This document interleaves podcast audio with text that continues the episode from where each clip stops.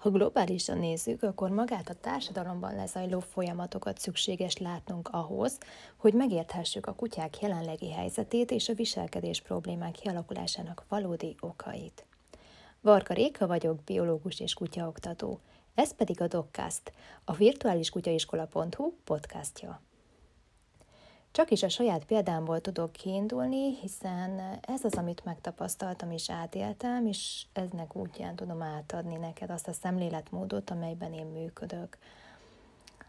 A fogyasztói társadalom kialakulásának kezdetén születtem én itt Magyarországon a rendszerváltást követően. Akkoriban már jellemző felfogás volt, hogy a kultúra, a jól fizető munka a tanulás és sok egyéb más lehetőség az a városokban adott, de itthon koncentráltabban Budapesten.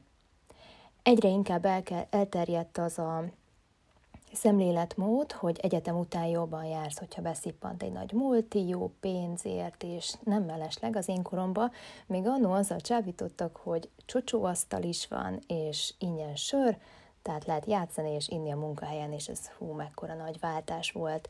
Annó, a, akár ha belegondolunk abba, hogy egy gyárba, egy gyári munkás, ehhez ne, ezekhez nem fért hozzá. Tehát ha úgy nézzük, akkor az emberek többsége már a városba kezdett el vágyakozni, nagyon sokan kezdtek el ebben az időszakban a falvakból, vidéki településekről, Magyarországon leginkább Budapestre költözni. Amikor én Budapestre költöztem, akkor nekem onnan már elkezdett hiányozni valami.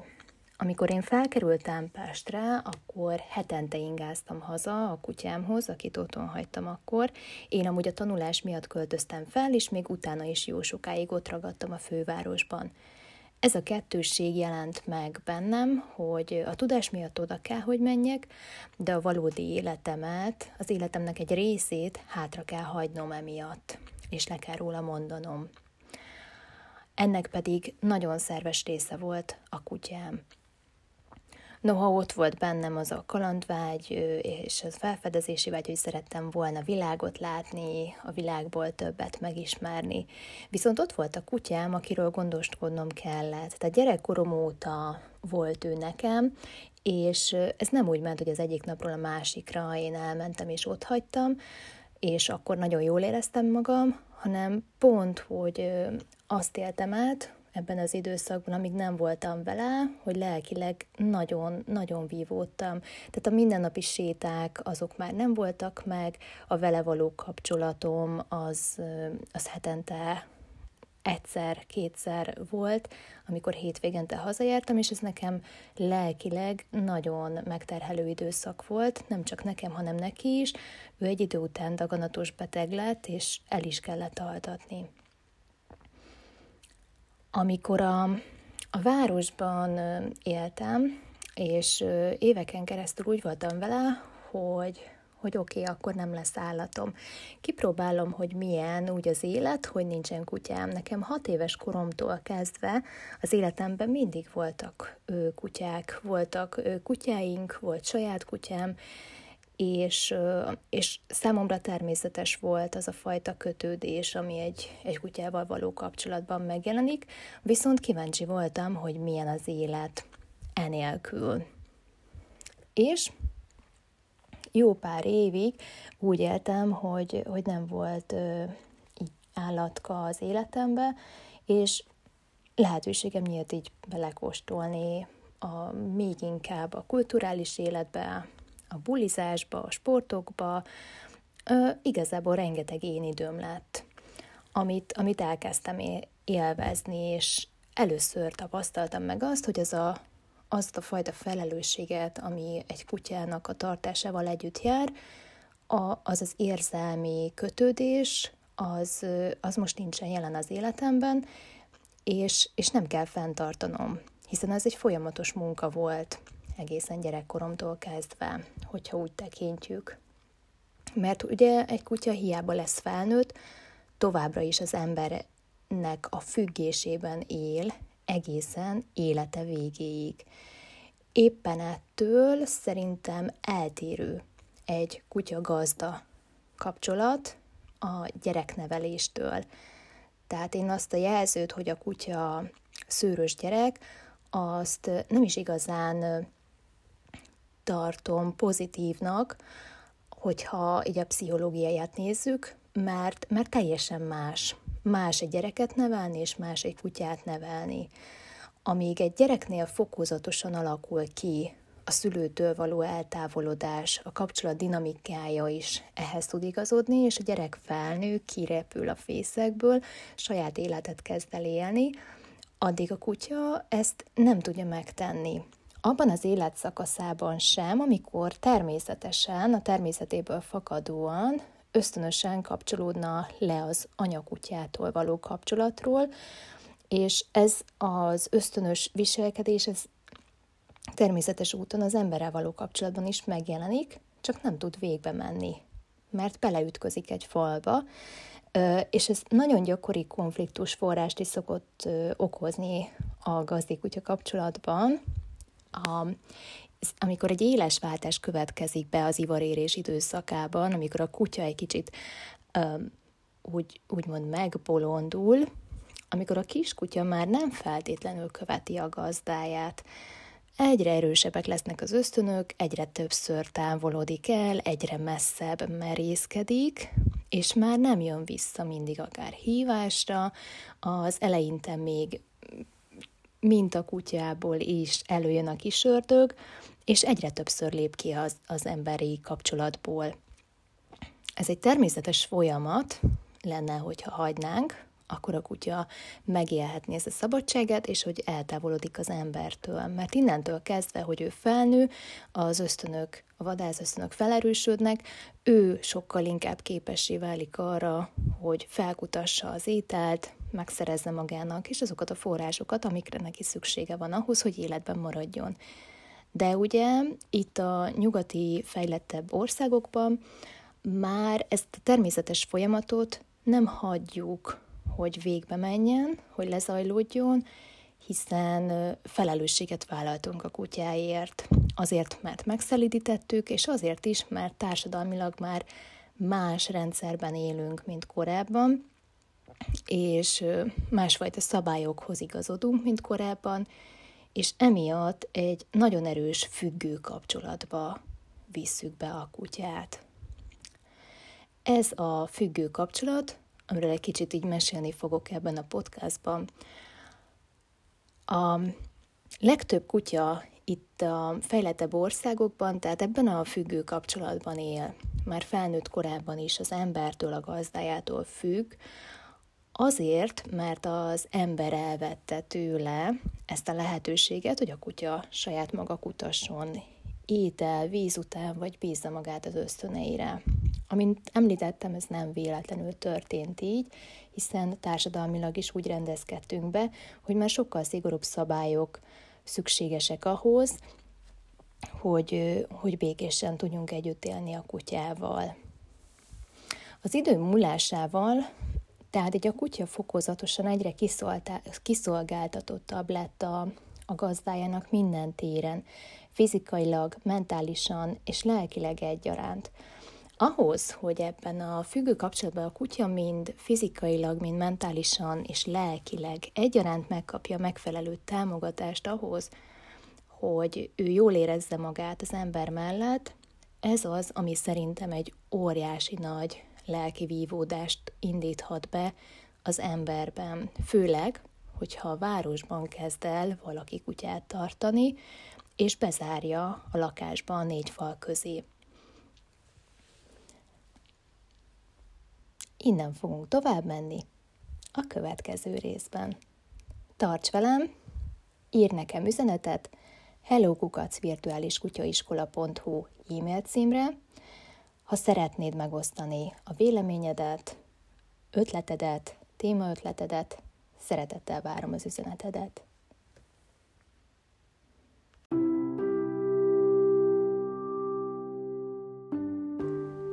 Történelmi idő múlásával a kutya fokozatosan egyre kiszolgáltatottabb lett a gazdájának minden téren, fizikailag, mentálisan és lelkileg egyaránt. ahhoz, hogy ebben a függő kapcsolatban a kutya mind fizikailag, mind mentálisan és lelkileg megkapja a megfelelő támogatást ahhoz, hogy ő jól érezze magát az ember közelében és az ember mellett, ez az, ami nagy kihívások elé állíthat és lelki vívódást indíthat be az emberben. Főleg, ha a városban kezd el valaki kutyát tartani. Varga Réka vagyok, biológus és kutyaoktató. Ez pedig a Dogcast, a virtuális kutyaiskola.hu podcastja. Ott folytatjuk, ahol az előző részben abba hagytuk. Jó magam, 2016-ban fogadtam örökbe a kutyámat, és onnantól kezdve indult meg bennem egyfajta lelki folyamat, egyfajta lelki tusa, úgy is mondhatjuk, mert én a városi környezetben éltem már akkor, ugye éveken keresztül. Sokáig nem volt kutyám, nem tudtam, hogyan érdemes városban kutyát tartani, nem is azon volt a fókuszom, hanem inkább az én időmön. Nekem az egész hetembe volt táblázva a délutánjaim sporttal kitöltve, kajakozás, barlangászás, jogázás, és ezeknek a váltakoztatása, ha pedig valami program adódott, akkor én rögtön mentem. Viszont láttam magam körül egy nagyon jó példát az akkori edzőm személyében, és láttam, hogy városi környezetben is lehet kutyát tartani, és hogy így is lehet csinálni a kutyának, így is meg lehet adni a szabadságot, és akár még nagyobb szabadságot is kap, mint falusi környezetben tartott társai. Én a falusi környezetet tapasztaltam meg ugye korábban, amit az előző podcastban is említettem. Um, ott a napi egyszeri séta volt nálunk jellemző, és, és ennyiből állt a kutyával való foglalkozás az én gyerekkoromban. Amit én akkoriban ismertem, amit láttam gyerekkoromban és amit csináltam, hogy napi szinten rendszerességgel kutyát sétáltatni, ez, ez, ez való ritka volt, mint a fehér holló. És őszintén szólva, már a kezdetek kezdetén jaj veszékelt a, a lelkem, hogy a, a kutyát a városban, bent a lakásban napi 8-10-12 órán keresztül hagyja majd egyedül, amíg én dolgozom. Mert ki tudja, hogy mi történik közben, öm, nincsen ugye szabad mozgástere, nincsen udvar, be van zárva a lakásba, történik akár gázszivárgás, tűzeset, bekopog valaki, becsengetnek, felújítás kezdődik, fúrni kezd valaki, olyan zajt hall, ami számára szokatlan, és ez beindít nála egy félelmi reakciót, egy szorongási folyamatot, és az pedig fogja hozni a problémákat. Vagy ha nincsen eléggé lemozgatva, vagy mentálisan lefárasztva, akkor lehet, hogy szétszedi a lakást. Bennem rengeteg félelem volt az elején, amikor örökbe fogadtam a kutyusomat, és én úgy éreztem, hogy egy nagy rizikót vállalok mindezzel. Visszacsatolva az előző podcast epizódhoz, érdemes globálisan is ránézni a folyamatokra, amikben benne élünk, ahhoz, hogy tisztább képet kapjunk a mértekről. Én a saját mértjeimre úgy érzem, hogy a válaszokat, azokat mind megkaptam, és később még erre is ki fogok térni, viszont erre a globális folyamat folyamatra, illetve több folyamatra szeretnék most így rávilágítani ebben a podcastban, hogy hogyan jutottunk el idáig, hogyan jutottunk el 2022-be, és hogyan jutottunk el a kutyatartásban odáig, akár, hogy a kutya a társunk lehet az önismereti útunkon. Jelenleg a fogyasztói társadalom korát éljük, amiben a, a centralizáltság nagyon jellemző még amit én úgy szoktam magamban megfogalmazni, hogy, hogy még jó sok energia van egy helyre bepakolva, és onnan szedünk ki egy-egy szeletet. Bevonulunk a városokba, rengetegen vagyunk ott, és a, ott több lehetőség lesz, elkezdjük felszámolni a kisebb gazdaságokat, hogy nagyobb termelési kapacitást indukáljunk, és Ma már szerencsére ez, ez elkezdett változni, ahogy az információ szabadabban áramlik, a technológia fejlődésének köszönhetően, és úton vagyunk egy decentralizáltabb világ felé, de erről is egy kicsit később fogok még beszélni, és erre visszacsatolni, hogy ez a kutyák számára milyen új lehetőségeket nyit majd meg. Tehát ez a gondolkozásmód elindított egy olyan lavinát az emberben, ez a, ez a, de, ez a centralizáltság, ami az ember úgy kutya kapcsolatot is gyökeresen elkezdte megváltoztatni annak idején. Míg korábban jellemzőbb volt a kutyák munkára fogása, akár ha csak a terelőket, a juhászkutyákat nézzük, az ő példájukat, az ipari állattartás megjelenésével ezek a kutyák mondhatni elvesztették a munkájukat. A kisebb gazdaságok sorra szűntek meg, a kutyák ebből a szempontból kezdtek fölöslegessé válni, sőt ehhez ugye hozzáadódott az is, hogy az emberek elkezdtek bevonulni a városokba. És ez a, a hullám hozta magával később azt, hogy a menhelyek szükségszerűen elkezdtek gyarapodni, hiszen a sok árva kutya, akire abban az átmeneti időszakban nem igen volt szükség, hova máshova kerülhetett volna. Ha nem az utcára, akkor a menhelyre, vagy a gyepmesteri telepre. Ezt az átmeneti időszakot követően aztán nagyot fordult a világ, és szerintem körülbelül olyan 2010 környékén én ekkora lövöm be, amikor elkezdett itthon is elterjedni az a tendencia, hogy a városi környezetbe is egyre bátrabban lehetett már kutyát örökbe fogadni, egyre több kutyabarát hely kezdett el nyílni, kutyabarát albérletek, szállások, a száma elkezdett gyarapodni, és mind-mind megtámogatták ezeket az örökbefogadási folyamatokat, és az, hogy az emberek a városi környezetben is szívesebben vettek maguk mellé állatot, mert már nem volt akkora korlát a kutya, nem választotta el őket annyira szociálisan, a, akár a társadalmi vagy ezektől a szociális pro, programoktól, hanem magukkal tudták vinni nyaralásra, éttermekbe, és ez a mai napig is, ez a folyamat, ez tart.